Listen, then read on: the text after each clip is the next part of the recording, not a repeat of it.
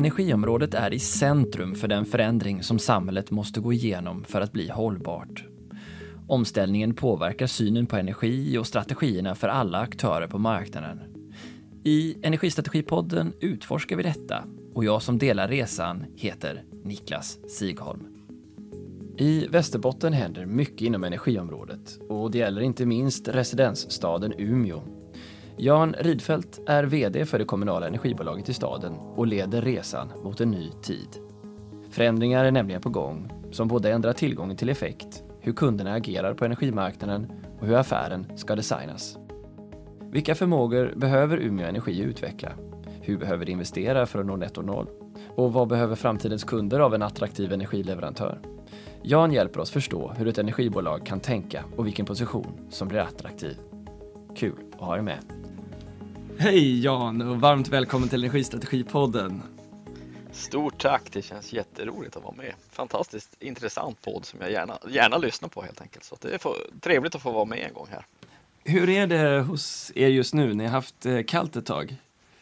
Ja, vi har haft jättekallt och eh, ovanligt för säsongen ska man säga. Att man brukar, vi brukar ha någon kall period här i början på, på vintern, men inte så här lång och inte så här uthållig. Så det här, brukar, det här vädret brukar vi ha först i, efter, efter jul och nyår. Så, så januari, februari kan vi ha det här vädret normalt sett. Men kall, kall start på vintern får vi säga. Vad är din reflektion över hur eh, energimarknaden har reagerat på den här senaste köldperioden? Ja, här är väl kanske lite som en perfect storm håller på att säga. Det är flera olika saker som slår till samtidigt. Det är klart den, den energikris vi ser i Europa, den, den får ju, gör ju egentligen att magnituden på, på exempelvis elpriser blir så mycket, mycket högre.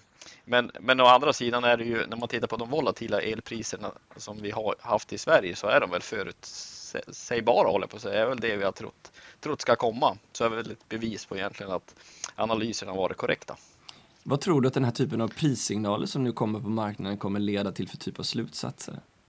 Eh, jag har faktiskt reflekterat på den frågan inför, inför, inför vår diskussion här och, och tänkte att det här kommer vi säkert att komma in på. Och eh, jag, jag tänker att det, man, allt jag har sett egentligen under de år man har jobbat med frågorna eller med energi så, så vårt minne är ganska kort. Så ibland är det minuspriser och då, är det, då finns en, några, några eh, artiklar i, i tidningarna om det och sen, och sen blåste över.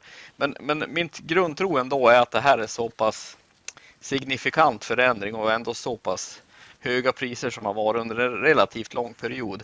Så jag, jag, tror att det här kommer att påverka egentligen diskussionen i större utsträckning än vad vi har sett tidigare. Ja, intressant. Då kommer vi eh, komma tillbaka till det, vad du tror att den diskussionen kan landa i och vad den kan leda till. Men först börjar vi med dig nu då. Vad är din bakgrund och eh, vad är det inom energi som har dragit dig in i den här branschen? Ja, det, jag, jag brukar be, faktiskt betrakta mig som lite energinörd. Jag, och framförallt kanske min fru brukar kalla mig det ibland utemellanåt här att jag fastnar i, fastnar i frågor här. Men, men eh, till, till sist handlar det väl att jag har funnits i den, den miljön under en lång, lång period. Jag pluggade inledningsvis när jag var back in the days när jag var ung så trodde jag skulle hamna inom data och Eh, med dator och egentligen digital utveckling ska man nog säga. Men, men eh, efter, när jag började jobba så hamnade jag in i energibranschen och där har jag varit kvar. Jag har pluggat lite grann och sen bytt roller, haft förmånen att byta roller så att, så att jag alltid tyckt att det varit roligt och alltid varit någonting som jag till sist har, har funnit stort alltså, intresse och engagemang. Så den, på den vägen. Vilka olika delar av energibranschen har du varit i? Vilka kraftslag och så? Jag håller på att säga, jag har, jag har nog varit nästan inom alla delar av, av en energibransch. Jag började inom produktion, eh, faktiskt på vattenkraftsidan och, och började rent praktiskt där. Men efter, efter jag pluggade så, så jobbade jag några år med eldistribution. Och från eldistribution gled jag, gled jag över till, till försäljning och från försäljning gled jag, gled jag över till värme och från värme mer till strategi och, och tillbaka till, till försäljning igen och, och innan jag hamnade i den här rollen. Så att, haft förmånen att få röra mig egentligen över flera olika fält vilket jag tyckte var jätteroligt men, men också lärorikt. Eh, roligt att se bredden och, och vår verksamhet är ju på många sätt komplex. Så jag tycker att det var en förmån att man har fått se olika saker. Om du skulle sätta ord på hur marknaden har utvecklats under din tid i den, hur skulle du beskriva det? Med, med, kort, med, med korta ord håller jag på att säga, från att vara ganska teknikdriven och introvert till att, att nu vara en del av ett större sammanhang nu är vi ju en del av dels, dels en samhällsomdaning där klimatfrågan till sist är drivande. Men också att vi har egentligen tvingats ut ur tvingats ut ur huset, eller vad man ska kalla det, att vi, be vi behöver egentligen ha en helt annan dialog med vår omvärld, våra kunder, och, men även andra, andra, andra aktörer i, i vår omgivning. Vi behöver ha en helt annan dialog. så att jag skulle säga att den tydligaste är att den, den då från ett ganska introvert teknikfokus till att behöva finnas i en kontext, i ett sammanhang i större utsträckning. Beskriv gärna Umeå Energi för oss. Vad omfamnar bolaget? Ja, men vi är ett ganska klassiskt eh, kommunalt energibolag. Vi, vi, våra huvudsakliga verksamhetsområden är eh, elnät och fjärrvärme. Det är det som är de stor, stora delarna. Eh, vi har inte så mycket egen elproduktion förutom den vi har på kraftvärme utan den finns de delar som kommunen äger, den finns direkt ägd av kommunen. Men vi har givetvis elhandel. Sen har vi har vi, har vi också senaste 20 åren jobbat med utveckling och, och byggande av ett stadsnät, alltså digital infrastruktur. Så ganska klassiskt energibolag skulle jag vilja säga att vi är. Eh, 400 medarbetare, vi har idag 65 000 kunder ungefär. Investera i storleksordningen ett par hundra miljoner för, för den tillväxt som finns i vår i våran stad och i vår region. Vad är det för typ av eh, fjärrvärme ni har? Vi har, vi har eh, kraft, om man tittar på, på talen från produktionssidan så, så har vi eh, kraftvärme i två anläggningar, en avfall och en, en biobaserad. Så kompletterat egentligen med en mängd olika, olika typer av, av produktionsförmågor. Allt från egentligen eller sammankoppling med, med spillvärme med industrin till värmepumpar till, till olika värmepannor. I, från, allt från bio, bioolja till, till fasta biobränslen, pellets. Så ganska diversifierad, diversifierad verksamhet. När man hör eh, om Västerbotten eh, nu för tiden så är det ju mycket Skellefteå som har varit i, i fokus med utbyggnaden av Northvolt. Hur ser situationen ut i Umeå? Hur ser expansionstakten ut och vad drivs den av? Eh, I, I dess grund så är Umeå som stad Eh, en, har ju varit växande. Universitetet bildades i tror jag, 65 eller något sånt där. Så från det har egentligen staden haft en, en, en tydlig tillväxtresa. Och, och tillväxtresan har bland annat inneburit att, att vi växer ungefär med tusen arbetstillfällen per år. Och, och, det är ju rätt imponerande eh, och, och, det, och det skapar en drivkraft, en under, underliggande eh, tillväxt i staden som är stark. Så, så jag skulle säga att det som, det som tydligast beskriver Umeå är ju tillväxten, den, den organiska tillväxten som kom väldigt tydligt från universitetet. Sen, sen är det ju som du är inne på nu att, att situationen och, och det är rätt mycket som förändras nu. Nu kommer nästan en annan form av tillväxt som är mer industridriven och vi står ju mitt i, mitt i början på den. Och där är ju Northvolt ett bra exempel och fantastiskt roligt för Skellefteå och fantastiskt roligt för regionen att det kommer en sån typ av investering. Hur spiller det över på Umeå? Jag tänker på kompetens inte minst. Än så länge, än så länge är man ju i en byggfas. Vi, vi, ser väl en, vi ser en gryende ökad konkurrens om, om, om kompetens. Och vi ser att egentligen den här, den här underliggande tillväxten som finns i regionen, vi ser ju att, att till exempel så etablerar sig Vattenfall här med, med mer kompetens på elkraftssidan och det i sig kommer, kommer innebära att det blir ökad konkurrens om, om om kompetensen. Men vi ser ju också att över tid här med de investeringar som kommer att göra här så tror jag kompetens kommer att vara en av våra, våra stora utmaningar. Och hur ser det ut med investeringar i, i Umeå? Om ni ligger på knappt 300 megawatt i abonnemang idag, hur ser du utvecklingen av energi eller elbehovet eh, framöver? Ja, vi står ju i början av en elektrifieringsboom även här då. Och som du var inne på, 300 megawatt har vi nog haft. Om vi tittar i backspegeln så har vi haft det nästan i, i väldigt, eller i alla tider håller jag på att säga, var väl att överdriva, men i väldigt många år i alla fall. Tittar man framåt så planerar vi nu för en fördubbling, kanske till och med en tredubbling de kommande tio åren. Gå från en någonstans, som du säger, 300, kanske uppåt en 800 megawatt i, i, i effektbehov för, för staden och för regionen. Och då är det nya industrietableringar i Umeå då som driver på det? Ja, det, det, så blir det absolut. Både elektrifiering egentligen av, av staden och det underliggande det, det behov som kom där ur. Men sen är det givetvis ett industrietablerare som blir de stora, stora stegen. Vilket, um, hur stort är behovet av för er med stamnätsförstärkningar från, eh, på regionnäts och, och stamnätssidan?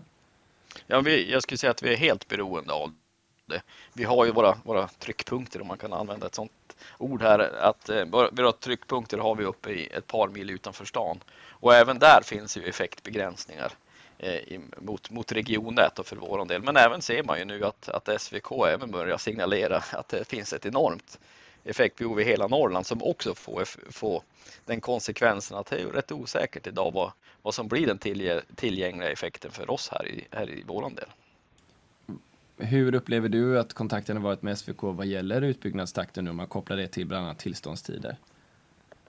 Eh, jag tror, vi, vi, eh, jag tror att det har lite grann med förändringstakten att göra. Att likväl som kanske vi är, är tagna lite grann av den, den, den, enorma förändringstakt som har vridit, eller det förändringstempo som har vridits in här så, så kan jag nog säga också att det är svåra utmaningar för SVK att förstå och hantera egentligen all, alla de frågor som förmodligen väl in över dem.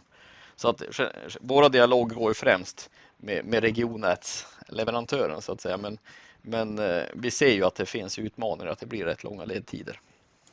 Så hur, hur kommunicerar ni med de aktörer som vill etablera sig i Umeå? Ja, det är ju en utmaning om vi stannar där först. För att de saker som vi kan rå över själva, vi har, bland annat har vi, har vi, vi går från en investeringstakt på en i storleksordningen 100 miljoner. Om vi tittar återigen i backspegeln, tittar vi framåt så är vi uppe på 400 miljoner i investeringstakt i vårt elnät. Och, och är klart att så, så de saker som vi kan påverka själv, de är, ju, de är ju lättare att ta beslut om att vi går till våra ägare och säger att vi vill öka takten i investeringar. Men, men man kommer ju alltid att ha de här big, gränssnitten, de här ytorna där man är så beroende av av att strukturerna sitter ihop totalt sett. Och, och där ser vi just nu utmaningar, det, det ska jag inte sticka under stolen med. Och hur tänker nu, om vi, vi, tänker oss då att eh, ni hamnar i det läget som många redan befinner sig i och vissa är på väg mot, där abonnemangen är slut, effekttaket är nått. Hur ser du att det kommer att förändra hur marknaden behöver utformas för att ge plats för alla som behöver effekten? Kort och gott, är abonnemangsformen eh, liksom död? Död var väl kanske, död tror jag aldrig den blir på det sättet. Jag tror alltid vi kommer att leva i ett system. Men, men i dess grund så behöver vi ta, jag brukar använda ibland att vi behöver ta, ta mer ansvar för tillförselfrågorna. Och tillförselfrågor är ju inte bara, är ju inte bara för oss att ha ett starkt elnät. Utan tillförsel handlar om att, att verkligen se till att systemet har, har den effekt och den energi som man behöver. Ett, ett, exempel på det är ju till exempel att vi, jag tror att vi behöver vara mer aktiva i, i produktionsfrågor, vindkraften än vad vi var historiskt. Vi, vi, behöver titta, vi behöver titta och se, finns förutsättningar för att nästa gång vi gör en modernisering av vårt fjärrvärme eller vår produktionsförmåga, bygga in en, faktiskt en kraftvärmeanläggning till. Och då kraftvärmeanläggning, kanske inte primärt ur energi, men utan ur ett effektperspektiv. Och, så att jag, jag ser framför mig att vi behöver vara mer aktiva just i, i tillförselfrågor utifrån ett bredare perspektiv. Om man nu ser marknadens utveckling och vi ser att det går till att bli en bristmarknad. Eh, hur, hur, bör, hur ska man designa marknaden så att vi, vi kan få den samhällsutveckling som vi vill? Jag tror i min, utifrån mitt sätt att se att det är väldigt tydligt, det är två frågor. Den, den, ena frågan är att vi behöver jobba med tillförselfrågorna, vi behöver jobba med att öka effekt, till, tillgänglig effekt, bygga ut vindkraft i det korta perspektivet. Eh, men vi behöver ju givetvis jobba egentligen med flexibilitetsdelen också. Och att flexibilitetsdelen är, jag tror att det har mycket, väldigt mycket med vårt beteende att göra. Så att bara bortse från flexibilitetsfrågan tror jag faktiskt också påverkar kapacitets eller den effektfrågan negativt. negativt utan vi behöver jobba med båda frågorna. Om jag är då en, en kund som säger vill ha 50 megawatt eller 30 megawatt i ditt system och jag dessutom säger att jag, jag kan nog vara flexibel hur gör du det lönsamt för mig att vara det då? Prismekanismerna finns ju inte fullt ut idag, det ska man vara ärlig och säga. Eh, jag tror, men jag tror att det är precis den typen av dialog man behöver ha med kunderna. Okej, vad innebär det för din produktion och, eller för din verksamhet om du är borta, om du är borta med med x antal timmar. Är det hanterbart för dig eller inte hanterbart för dig? Var, var börjar det göra riktigt ont och var kan, var kan du leva med den över tid? Och, och där tror jag man, i det samspelet hittar man ju andra prismekanismer också. Och där hittar man egentligen mer ett värde, ett värdebaserat, en värdebaserad prissättning för, bo, för båda parter. Då. Sen, sen, givetvis så har ju ett, ett elnätsbolag har ju en regler, reglermyndighet, håller på att säga, men en reglerad, det är en reglerad verksamhet. Så man behöver också finnas i en, i en lika behandlingsprincip där. Just det, så det är inte undantag för en kund utan i så fall är det en, en total förändring av hur ni designar marknaden i hela ja, men, ja, jag tror att man måste se det så. Jag tror att man måste se det så. Och då kommer man ju egentligen in också på frågan att verkligen kunna hantera en stor mängd data så att man, att man förstår egentligen att vi förstår och vi, vi kan ta beslut utifrån fakta, utifrån hur ser egentligen, hur ser egentligen effekterna ut i ett nät och hitta rätt priskomponenter. Vilka blir de viktigaste kompetenserna som du ser att utveckla internt på Umeå Energi för att klara av det?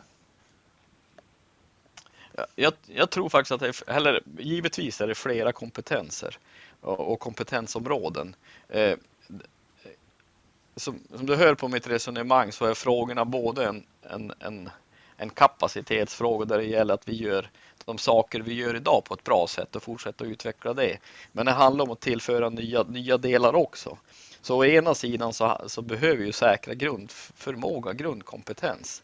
Å andra sidan så behöver vi lägga på ny, nya lager. Och, och, och, nya lager handlar ju väldigt mycket om digitalisering.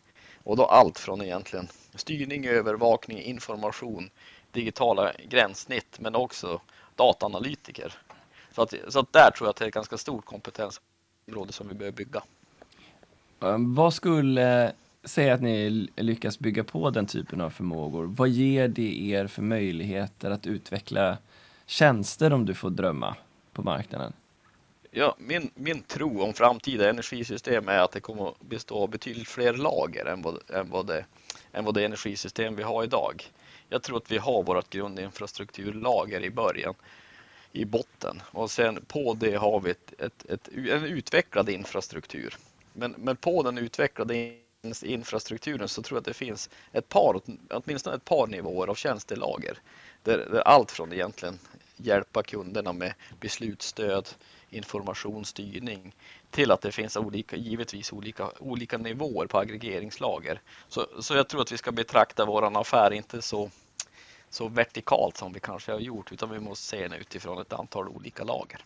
Så om jag försöker tolka det här då, som är lite abstrakt, så, så är det att ja, det ska finnas en marknad där min förmåga till flexibilitet lönar sig och ni kan klara av att hantera den flexibiliteten sömlöst mot infrastrukturen. Förstår jag det rätt då? Exakt, det var en bra, en bra formulering. Och om jag förty, förtydligar den och fördjupar den lite grann så tror jag att man kommer, och det börjar vi ju se med, på ett antal platser, inte minst i Sverige men även internationellt, att det börjar växa upp flera lager av marknadsplatser också. Att man, det, det räcker inte så att säga med en styrning från SVK via energi energieffekt och flexibilitet utan vi behöver ha marknadsmekanismer och styrsignaler även regionalt lokalt. Mm, vad skulle du säga är de stora trösklarna, de stora hindren eller utmaningarna att ta sig över på vägen dit ur ert perspektiv?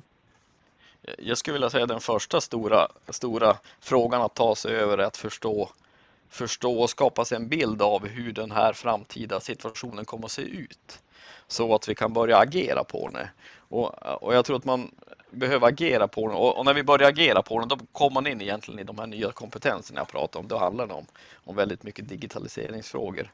Eh, men, men eh, vi behöver skapa oss en bild och skapa oss en, en förmåga att börja jobba i frågorna. Att börja jobba med att sätta upp egentligen piloter eller test för, för andra typer av prissättningsmekanismer. Börja ha en plattform för, för hur, kan vi ha en lokal regional marknadsplats? Så vi behöver komma igång med frågorna och det gör vi tror jag vi, genom att visualisera och sätta upp en, ha en hypotes om hur framtiden ser ut.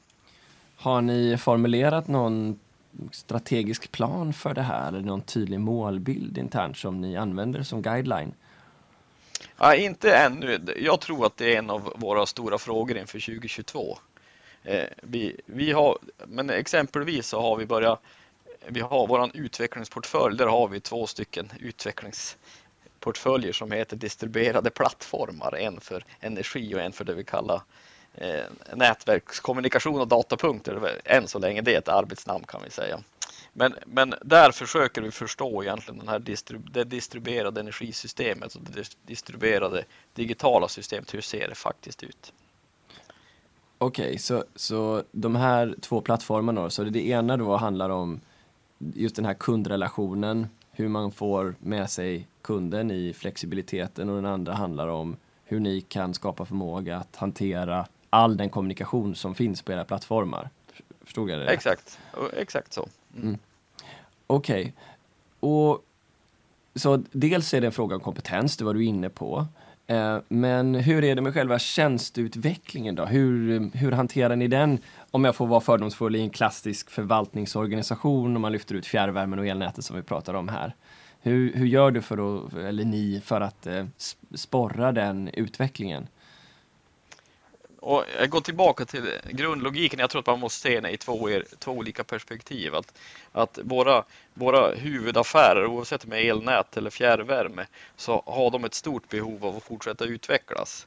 Att eh, en, en elnätsaffär behöver egentligen både kunna hantera kapacitetsfrågor men också flexibilitetsfrågor. En, en värmeaffär behöver fortsätta utveckla infrastrukturdelarna men också utveckla fjärrvärmeaffären. Så med det, sätt, med det sagt så där vi har ansvar för våra affärer så ska man också ha ett utvecklingsansvar för vår befintliga affär. Men jag tror också den här, det vi kallade mer den transformativa utvecklingen, den, den, behöver man dra isär lite grann. För att det är helt andra typer av frågor och helt andra typer kanske till sist av kompetenser som behöver finnas där. Så, så våran, vårat sätt att angripa frågan handlar om, handlar om både fokus men också att dra isär, att möjliggöra fokus i, möjliggöra fokus på, på rätt fråga på rätt ställe. Och då är ni bland annat med i utvecklingsklustret då tillsammans med ett antal andra energibolag. Är det det du tänker på då, att, att del av utvecklingen läggs utanför organisationen? Ja, det, det, är ett exempel. Och det är bara att konstatera att vi märker ju det när, när man befinner sig i det sammanhanget att vi har väldigt mycket likartade frågor. Det är, inget, det är inte så många frågor som är specifika för Umeå utan, utan möter vi våra kollegor i, i Öresundskraft, Jönköping, Linköping eller Jämtkraft så, så de möter samma frågor i sin vardag. Och mm. där har vi väldigt mycket lärande av varann och, men också kan vi hjälpas åt med den faktiska utvecklingen. Men eh, en utmaning med den här mer disruptiva tjänsteutvecklingen är ju att den också ibland går på tvärs med utvecklingen av befintliga affärer.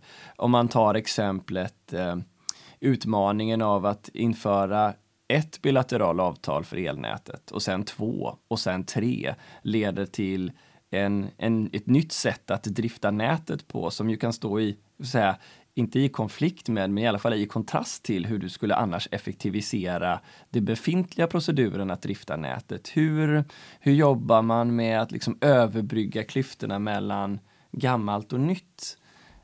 Ja, jag, jag håller på att säga Niklas, det där är väl nästan vår tids stora fråga.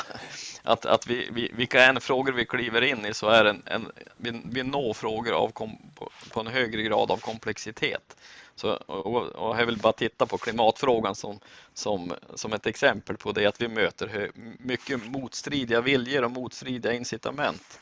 Men jag, jag, jag kan, man kan liksom inte ducka för frågan ändå. Utan, utan jag tror att det handlar om att verkligen ge tydliga fokus till olika delar av verksamheten men också att, att ge möjlighet för de här olika perspektiven att mötas och faktiskt prata. Vad blir konsekvensen ur det här perspektivet Vad blir konsekvensen ur det, ur det andra perspektivet så att man får en chans att kalibrera och, och kanske justera lite grann både på det ena stället och på det andra stället. Så att, så att jag, jag tror att man måste bara bekräfta att det är så och sen får man jobba med frågorna i vardagen hur frigör man tid? Um, eller, och vilken tid behövs kanske för att frigöras för den här typen av förändringar internt i en organisation? Eh, jag vet att jag träffar många energibolag där alla upplever att de så att säga, har 100% av sin tid fylld av det som redan är operativt arbete. Och nu när marknaden går mot någonting nytt som du är inne på, komplexiteten ökar, så blir det svårt att fylla på fler saker när den operativa vardagen redan äter upp ens dag om du förstår vad jag menar. Hur, hur ska man hantera det där som du ser det strategiskt? Ja, för, för det första så tänker jag att, att det är ju till sist en fråga för, för exempelvis en ägare till, ett, till, ett, till oss, ägaren, Umeå kommun som ägare. Vill de att vi ska ta den här rollen att vi ska vara en aktiv utvecklare av, av, av energisystemet i Umeå eller ska vi blivit vår läst egentligen att vara infrastrukturbyggare. Och där är uppdraget tydligt från våran ägare. Våran ägare vill att vi ska, vi ska vara en utvecklare av, av, av energi och klimatfrågorna i staden. Så att med det sagt så får vi ta det utrymme i våran affär. Vi får faktiskt bygga de kompetenserna och, och, och, ta upp det utrymmet egentligen i budgeten. Så för mig börjar frågan där. Man måste ha en diskussion med ägarna om vilken roll ska vi ha? Och våran ägare är tydlig. Kommunen vill att vi ska hjälpa till med tillväxtfrågor och klimatomställningsfrågor. Och hur har du lyckats med det? Jag menar, jag har hört många vd som har pratat om att det finns ett, ett allt för stort kompetensgap mellan å ena sidan då tjänstemännen som jobbar i branschen och full insikt i vad framtiden har i sin famn. Å andra sidan då kommunpolitiker som också har att göra med skolvård och omsorg eh, och som helt plötsligt ska hoppa in i en, i en energimarknad som blir allt mer komplex.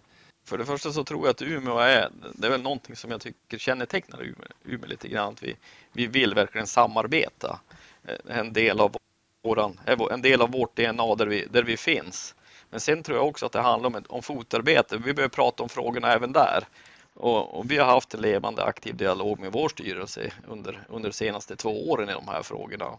Och jag försöker träffa, träffa äh, mina kollegor inom de kommunala systerbolagen men också motsvarande personer inom, inom kommunen för, att, för att, vi, att vi ska hitta den gemensamma målbilden, hitta den gemensamma plattformen. Så jag tror jag handlar väldigt mycket om att, att skapa mötesplatser. Eh, en sak som du nämner som jag gärna kommer tillbaka till det är den här om tillskottet av ny kraftproduktion, antingen i form av ett nytt kraftvärmeblock kanske, eller i form av vindkraft. Eh, och där har vi i de senaste veckorna i debatten ju väldigt mycket handlat om bristen på nya vindkraftsparker, nya tillstånd, ehm, att helt enkelt utbyggnaden går för långsamt. Ehm, kan ni vara en del i den lösningen? Hur ser sentimentet ut i Umeå? Jag tror definitivt att vi behöver vara en del av den lösningen. Sen är det bara att konstatera om man tittar på behovet av vindkraft ur ett nationellt perspektiv så pratar vi om enorma investeringar. Och det är investeringar som är större än vad, vad ett bolag av Umeå, Umeås storlek kan, kan få armarna runt så att säga. Men, men jag tror att det handlar om att skapa förutsättningar för att skapa trovärdighet och skapa gränsytor och, och skapa en, en, en, plattform där man kan åstadkomma den utvecklingen. Och i, den, i, det, i det perspektivet så har Umeå Energi en, en roll att spela vi finns lokalt, vi finns regionalt. Man är van att Umeå som, som, som kommun tar ett regionalt ansvar. Vi är en, vi är en tillväxtmotor i våran del av, av länet och våran del av Nor Norrland. Och då behöver vi också prata med, våra om, om, med vår omgivning om det och prata med omgivningen om vad är behov och möjligheter för oss. Så jag, jag tycker att det handlar väldigt mycket om vi ska ta ett ansvar för frågorna och skapa skapa utrymme för egentligen att skapa förståelse för vilken typ av utveckling behöver åstadkommas. Ser du att Umeå Energi kan bli en eh, framtida fortsatt investerare i vindkraft? Det, det tror jag. Det, det, det, här ska jag nog inte ha sagt för ett år sedan Niklas. Utan, men men i, i, jag har förändrat synen senaste åren. Eh, och i takt med egentligen att jag ser att behovet är så, så monumentalt i att vi faktiskt får till en, en, en tillväxt i vindkraft. Är det inte lite lustigt då i min, i min diskussion med Skellefteå Kraft och Joakim att de som var så tidiga ute i vindkraften och också brände sig lite av och var väldigt tidiga in i den branschen nu är mer tveksamma medan då andra aktörer kanske som ni kan komma in och tänka att ja, men nu är tajmingen rätt för att gå in i det här kraftslaget. Ja, och, och det är klart att man ska ha respekt för, man ska ha respekt för den erfarenhet som Skellefteå har dragit i det här. Det, det, och det kan jag förstå. Och det är klart att gick man in tidigt så, jag bara titta på de vindkraftsetableringar som, som sker nu. Det är inga små, små, det är inte fem snurror håller jag på att säga, utan det är enorma etableringar. Och, och det är klart att marknaden har förändrats. Vi har, vi har vindsnurror som är 270 meter höga idag. Det hade vi inte tidigare. Så marknaden har ju ritats om. Och, och det var nog bara både möjligheter och utmaningar att gå in tidigt och vice versa. Vilken potential är det du ser nu då? Vad skulle, vad, vad skulle, vad skulle er region kunna, kunna inbringa i form av volymer, tror du? Det blir väldigt spekulativt. Jag vet inte om jag eh, ska rassla ur med en siffra här, men, men eh, eh, om man tittar på etableringar, exempelvis Northvolt, jag tycker att det är ett bra exempel, för då har man någon, någonting konkret, någon, någonting konkret att börja, börja räkna på och titta på. Så det är klart att vi pratar om investeringar som är åtskilliga miljarder för att egentligen möjliggöra den typen av etableringar även i Umeå. Om, om, vi nu har pratat om det här med behovet av flexibilitet på en marknad som präglas allt mer av brist. Vad tycker du att man ska ställa för typer av krav på nya producenter som kommer in på marknaden? Är det rätt av SVK att säga att eh, nya etableringar av vindkraft också måste ha en viss flexibilitetsgrad exempelvis? Ja, men jag kan nog tycka det. Jag kan nog tycka det och inte minst för att, att förstå vad är det för marknad man, man kliver in i. Och vad är det egentligen som, som skapar förutsättningar att, den här, att vårt energisystem faktiskt ska hålla ihop? Så, så jag kan nog tycka att det är rätt att man för in, den, för in den, det perspektivet. För man kan ju ta det perspektivet i det lilla om vi, om vi återigen knyter till Umeå, ett, ett, ett, ett fjärrvärmesystem lokalt i Umeå. Så, så att det är klart att vi vill egentligen se mer att vi använder den energi totalt sett som finns i staden. Men till sist blir det ju en roll för Umeå Energi. Om vi upp, är upprätthållare av ett fjärrvärmenät så blir vi någon form av market maker. Se till att det finns effekt i systemet, se till att det finns balans och tryck i ledningarna. Och det är klart, det är ju det perspektivet SVK har. Så, så, så jag kan nog tycka att, att det är rätt att man ändå för in de frågorna. I, vilken mån, nu pratar vi mycket om elmarknaden här, Eh, Eh, men i vilken mån tror du att den här typen av konsekvenser på marknaden, alltså ökad flexibilitet, också förs över in på värmemarknaden? Jag, jag tror, jag tror att, eh, nej, om vi går tillbaka till det vi pratade om tidigare, vi pratade om regionala marknadsplatser. Och, och jag tror, min uppfattning är att de regionala marknadsplatserna för Umeå behöver, behöver omfatta eh, värme och el samtidigt. Det vill säga att de det här är integrerade energisystem. Så att, så att jag tror att mm, prismekanismer, marknadsmekanismer, sätt att, att spara energi, att lagra energi behöver samverka mellan olika energislag. Och, och jag tror där är vi faktiskt bara i början. Och, och eh, man är ju svårt att, för, att förutse till exempel vad vätgas kan ha för roll i ett energisystem. Men, men vätgas, sätt in vätgas i den ekvationen så är ju vätgasen egentligen en eh, då blir det ytterligare en tredje, en tredje energibärare som ska in i, ett redan, i, i det energisystem vi har. Så jag tror att det handlar väldigt mycket om att kunna kombinera och förstå hur samverkan de energislag vi har. Ja, vilket energisystem ser du eller drömmer ni om eh, på Umeå Energi? Det finns ju då dels den här elektrifieringen av industrin och transportsektorn som på något sätt är en given. Men sen så finns ju också hela den här extra utvecklingen av att producera energi till, ja, eller vätgas till någon form av annan energibärare, det som kallas för power to x och som skulle kunna driva på efterfrågan med många, många terawattimmar till. Är det, hur ser du på det? Vad tycker du Sverige borde sikta mot? Oj, det, det, jag går nästan tillbaka återigen till den här frågan att börja få igång ett arbetssätt, ett sätt att hantera frågorna. För, för, för vätgas är ju idag en svår, svår frågan om vätgas, hur stort blir vätgas i Sverige? Hur stort blir vätgas i ett europeiskt perspektiv? Den frågan är ganska svår att besvara. Och, och jag, tror inte, jag tror att det är direkt fel att säga att vätgas har x procent av, av energimarknaden om, om, om 20 år. Utan jag tror att man måste ta sig dit stegvis. Och att ta sig dit stegvis tror jag handlar väldigt mycket om att, att, att titta på de regionala förutsättningarna vi har på, på, i de olika delarna av exempelvis Sverige och, och, börja bygga energisystemet som, som funkar i våran, i våran kontext, i våran miljö. För situationen i Norrland är annorlunda än i Skåne, har vi ju sett de senaste, senaste veckorna om inte minst. Och, och jag tror att man måste tillåta att vi faktiskt utvecklar det lite parallellt. För sen tror jag att vi kommer att klara, klara av att aggregera det på en, på en större nivå. Men jag tror inte vi är där ännu, utan jag tror att vi behöver börja få tågen att rulla. Men kan det gå för fort då? Är det så jag tolkar? För man ser exemplet Liquid Winds satsning i Örnsköldsvik som ju inte är jättelångt från er, så är det ju en, en, en typisk sådan sajt man kan tänka sig där vätgas ska producera eh, metangas till slut eh, för att agera som en energibärare för, vad vet jag, exempelvis sjöfarten. Eh, hur, hur, ser du på, på sådana satsningar? Är det bara att förvänta sig att de kommer eller, eller riskerar de att, att fullständigt dammsuga marknaden på, på tillgången till energi och effekt? Jag tror att det är naturligt att de kom. Jag har jobbat med strategifrågor ganska mycket i mitt liv och, och jag, jag kan konstatera att jag vet inte om jag om jag tycker att jag var så duktig på strategifrågor. För att det vi, det vi spekulerar i, det blev till sist någonting annat. Så att om jag får välja mellan att vara duktig på strategi eller faktiskt göra saker så då tror jag att det är viktigare att göra saker. Och, och sen får man lära sig medan man rör sig och, och försöka förstå vad, vad innebär egentligen den här förändringen i ett större perspektiv. Men, men eh, jag ser en direkt risk just nu om vi tittar utifrån klimatomställningsfrågor eller klimatomställningsbehovet rättare sagt, att, att om inte vi får ett större momentum framåt så börjar man ifrågasätta hela omställningen. Så jag tror att det är viktigt med rörelsen framåt för känslan av att vänta, det här är en utveckling som vi tror på, det här är en utveckling som vi vill. Vad tycker du eh, det jag egentligen far efter nu är så här, vad tycker du branschen borde göra för att liksom tydliggöra förutsättningarna och spelreglerna för en fungerande marknad då? Men innan du svarar på den frågan så skulle jag veta, vad, vad, vad ser du just nu om du blickar ut över det politiska landskapet och möjligheten att driva den utvecklingen av era affärer eh, på ett sådant sätt och åt det håll och med sådan lönsamhet så att det bär sig för att möta framtidens behov. Eh, och då kan jag exemplifiera med å ena sidan då de enorma investeringarna du har i elnätet och behovet av en tydlig elnätsreglering som skapar förutsättningar för framtida investeringar.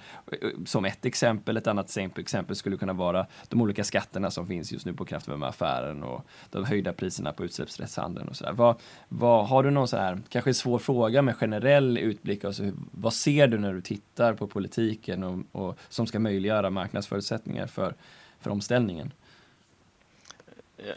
Jag, jag, tycker att det blir en, över, eh, blir en överfokusering på vissa sakfrågor. Eh, eh exempelvis kärnkraft idag. Eh, hela, hela diskussionen tycker jag blir, blir faktiskt med mina, med mina ögon lite, lite märklig. För, för å ena sidan så tittar vi i, i backspegeln och, och tittar på frågan att den, den generation kärnkraft som, vi, som, som är kanske generation 3 som, som har sitt ursprung på 60-talet. Är den långsiktigt hållbar? Nej, sannolikt inte. Och sen tittar man nästan 20 år framåt och säger att nästa generation av kärnkraft kan de småskaligt eller storskaligt kan det vara en del av ett energisystem. Och, och det, för mig är det en, en, rimlig diskussion, men han är inte rimlig där vi står idag. Utan rimlig där vi står idag handlar väldigt mycket om att, att faktiskt kunna agera på de förutsättningar vi har idag. Det är väldigt mycket vindkraft väldigt mycket flexibilitet.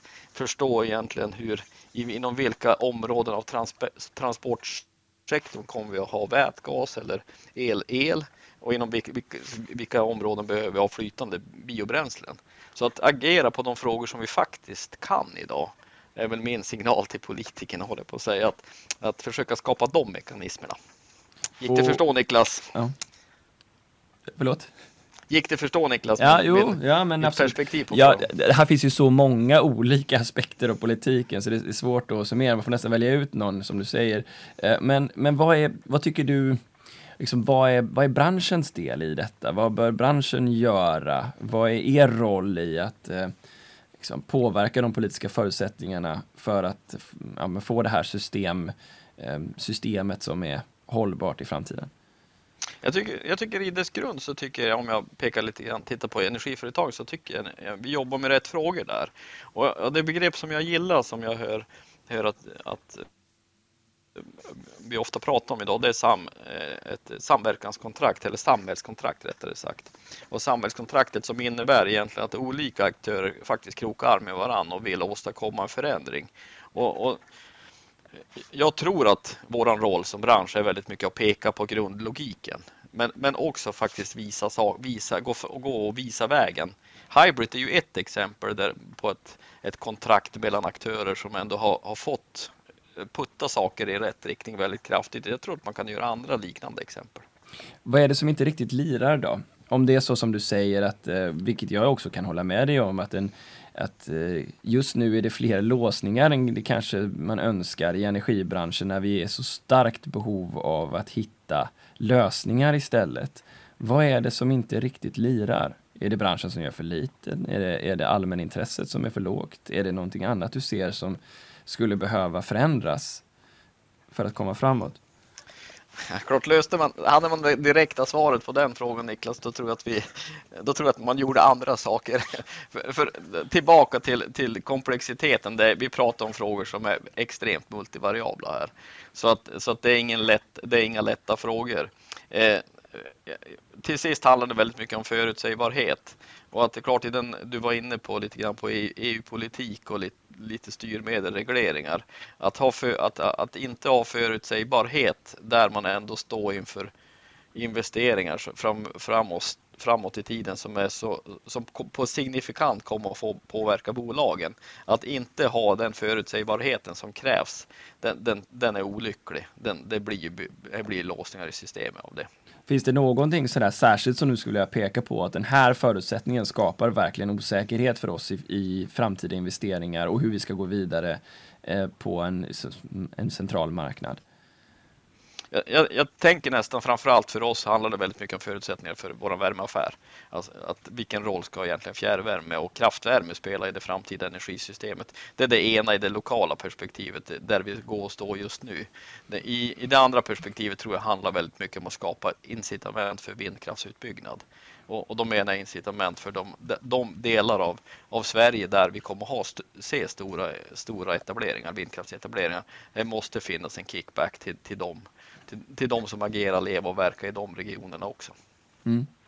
Nu är jag uppifrån Malå själv, så jag är uppifrån en inlandskommun här jag, där, jag, där jag har mitt ursprung och det, man kan bara konstatera där att att det, det har funnits så mycket vattenkraft där. Skellefteälven rinner ju delvis i den, i alla fall i angränsning till den kommunen. Men idag är det ju väsentligen mer vindkraft i den kommunen. Och när man åker genom den kommunen idag så är det enormt mycket vindkraft. Och, och då behöver Malå få incitament att fortsätta den utvecklingen så att man inte känner att vi, är bara, vi blir bara belastade av det negativa utan man måste se det som blir den positiva kickbacken också. Du, om vi tar då fjärrvärmeaffären så är ni ju trots allt en nettoutsläppare av fossilt eh, koldioxid i och med avfallsförbränning. Hur ser ni att ni kan ta klivet mot ett netto noll samhälle, givet det. Ja, det, och det är, ju flera, det är ju flera delar som kommer i det.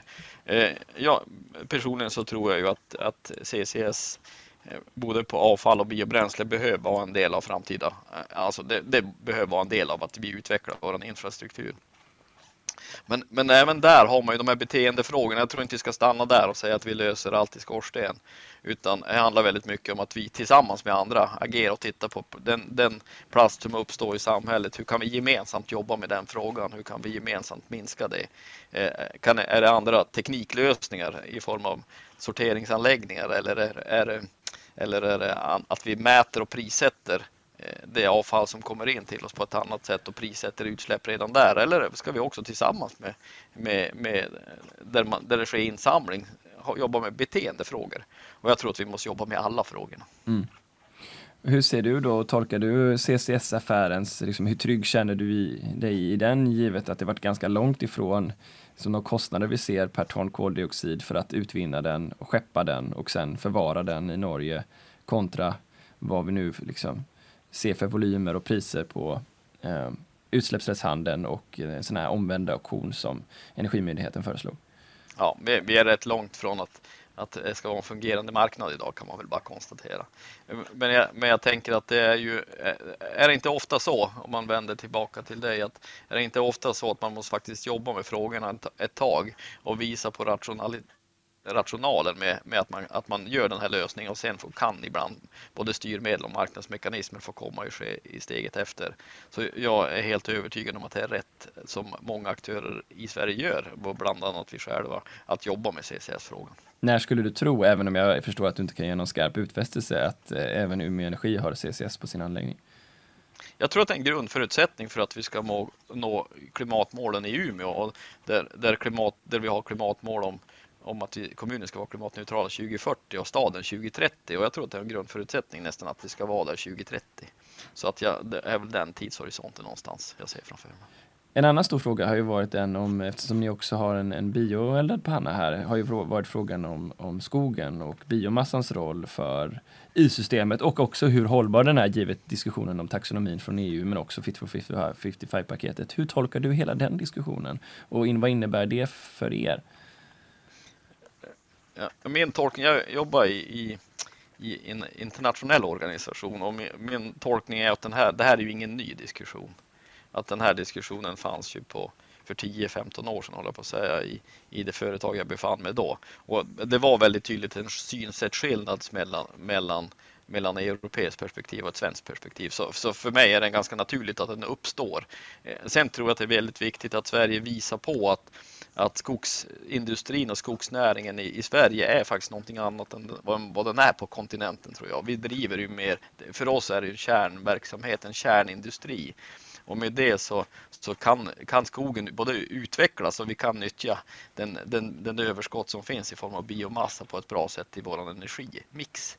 Så jag tror att det handlar om att vi verkligen i Sverige ska visa vägen. Alltså att det här är ett, vi jobbar långsiktigt. Biomassa är en del av ett, både en del av att skapa förutsättningar för klimatsänkor, men också att, att eh, det är en del av en energimix. Mm. Så att, eh, men Norden är ju små i sammanhanget, men jag har svårt att tro att min grundtro att vi kommer hamna hyfsat rätt ändå i den frågan.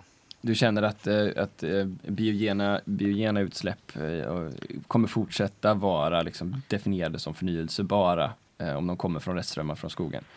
Ja, jag, jag hoppas och, och tror det också. Men sen, sen där kommer till, om man går tillbaka till frågan om CCS så är det klart att, att där är det en balansgång mellan att, att, att, att CCS som en lösning för att åstadkomma en klimat eller en koldioxidsänka till att egentligen belasta fjärrvärmen eller belasta biobränslet med ett negativt synsätt. Så det är klart att det är en balansgång här. Men, men jag är rätt övertygad om att vi, jag tror att vi kommer kunna hantera den frågan. Tittar man på för vår region så är skogsindustrin en väldigt viktig, stor och viktig industri här uppe och kommer att vara så även framgent. Så att här ser jag framför mig att vi behöver samverka även med skogsindustrin på ett bra sätt. Ni ska ju vara då en, ett eh, lokomotiv för klimatomställningen lokalt och dessutom då driva eh, tillväxten för staden. Eh, på de här marknaderna så förstår man ju det också att det innebär att klara av att ta en del risk och som jag förstår det så har, har du en liksom, i, i viss mån förståelse från era ägare. Men hur jobbar ni med att hantera risk kontra avkastningskrav nu när det på så många marknader händer mycket samtidigt? Och jag tänker att det är, jag tror att vi behöver titta, titta på Umeå Energi som, som bolag med, med nästan med dubbla, dubbla ögon. Den ena vad som är verkligen vår kärnverksamhet, det som är ändå kärnaffärerna i form av elnät, värme och Eh, bredband. Alltså det som är vår grundinfrastruktur och där menar jag att vi inte ska ta särskilt mycket risk om jag ska vara lite krass, utan där, där behöver vi vara, vara noggranna med, med, med de investeringsplaner vi har, noggranna med, med, med att vi lägger pengarna på rätt ställe. Eh, tittar man på de andra frågorna som handlar kanske om vindkraftetableringar, som handlar om, om vätgas kanske i förlängningen, eh, där tror jag att vi ska dela risk med andra. Så där, där tror jag att vi ska prata med industrin som har behov av, av kapaciteten. Hur kan vi hjälpas åt att dela den risk som uppstår? Om det är lång, långa priskontrakt eller om det är andra, andra Eh, andra frågor, andra sätt att dela risk, det, det, det, får vi lösa när vi, när vi kommer i konkreta diskussioner. Men jag tror det handlar om att dela risk. Och, eh, om man då väljer att ta risk i samarbete med andra eller hittar sätt där man kan mitigera risken på något sätt internt. Vilken, Eh, liksom, vilken position ser du att Umeå Energi ska ha på lång sikt? Eh, det är ju onekligen så att det adderas på möjligheter nu i tjänstifieringen av eh, energimarknaden. Och jag ser att ni gör det bland annat genom att erbjuda eh, laddpunkter för elbilar exempelvis. Så man skulle kunna fortsätta med de affärerna och gå in på fastighetsstyrning. Vad, vad tycker du är en, en rimligt sätt att beskriva vilken position ni, har, ni vill ta? Jag, jag tror att, det, jag tror att den, den, eller min uppfattning är, där är att, att vi, vi kommer att kunna ta som Umeå Energi så kommer vi att kunna ta tar ett steg till. Vi ska jobba med utvecklad in, infrastruktur. Det kan vara ett sekundärnät helt enkelt, där man jobbar med lite lägre temperaturer i, i värmesystemet. Och vi ska inom citationstecken aktivera det lagret, se till att det finns bra prismodeller och det finns, eh, det finns eh, det ska vara lätt som, som aktör att ansluta sig till ett utvecklat energisystem. Mm. Eh, tittar man på nivåerna ovanför det, det som är mer kundgränssnitt och det som är eh, vad ska man säga, det som är lager mellan där. Där tror jag att vi ska samverka med andra. Och, och, och samverka med andra kan bland annat vara det arbete vi har inom utvecklingskluster. Att, att, det, det skiljer sig återigen inte mellan, mellan Umeå och andra orter i Sverige utan vi har samma problem att lösa. Så, så där ser jag framför mig att, att samverkan både med andra energibolag men också kanske med marknadsaktörer i, stor, i större utsträckning än vad vi gör idag är det som ska möjliggöra det. Och det är mm. också ett sätt att dela risk. Utvecklingsklustret då gör ju också investeringar med kommunala medel i den här typen av utvecklingsbolagen liksom, då trots allt. Um, hur, hur förklarar man det utifrån att det är en helt kommunal verksamhet eh, i att ta risk i, i scale-ups eller starta, startup-bolag? Jag, tror att det är helt nödvändigt. Vi, vi brukar ibland prata om eh, om att vi, eller våra marknadsposition, att vi ska vara en positiv kraft i regionens hållbara utveckling. Och att vi kan, ett vägval vi kan göra som vi pratade om tidigare, om vi, om vi är egentligen en grundinfrastrukturleverantör eller vi, om vi faktiskt är med i de värdeskapande processerna. Och en grundförutsättning för oss att vara med i de värdeskapande processerna är att vi är med i den typen av aktiviteter och initiativ. Och att det är någonting annat än vad, en, vad en, ett kommunalt energibolag håller på med, det är jag helt övertygad om också. Men tror jag att det är rätt? Jo, det tror jag definitivt att det är, för jag tror att det är ett sätt för oss att skapa det värde som förväntas av oss. Ska vi eh, tänka oss då, eh, eller vi behöver inte tänka oss, ni har ju faktiskt ett område, Tomtebostrand, som är under stark utveckling, som ska bli ett utvecklingsområde för er, där ni har möjlighet att välja vilken position ni vill ta. Och du nämner ju bland annat det genom det här lågtempererade nätet som ni funderar på. Eh, och det skulle ju lite grann förändra också er position på marknaden. Kan du beskriva hur ni har tänkt när ni står inför en sån här ny exploatering av ett helt nytt, färskt område? Ja, Tomtebostrand är ett jätteintressant område, för det, det är ett ett, ett ny ex, exploateringsområde i, i Umeå. Man en blandning av verksamheter och bostäder och jag tror det ska vara i storleksordningen 3000 bostäder där. Och, och anslaget egentligen när Tomtebostrand skulle utvecklas var egentligen ett samverkansprojekt.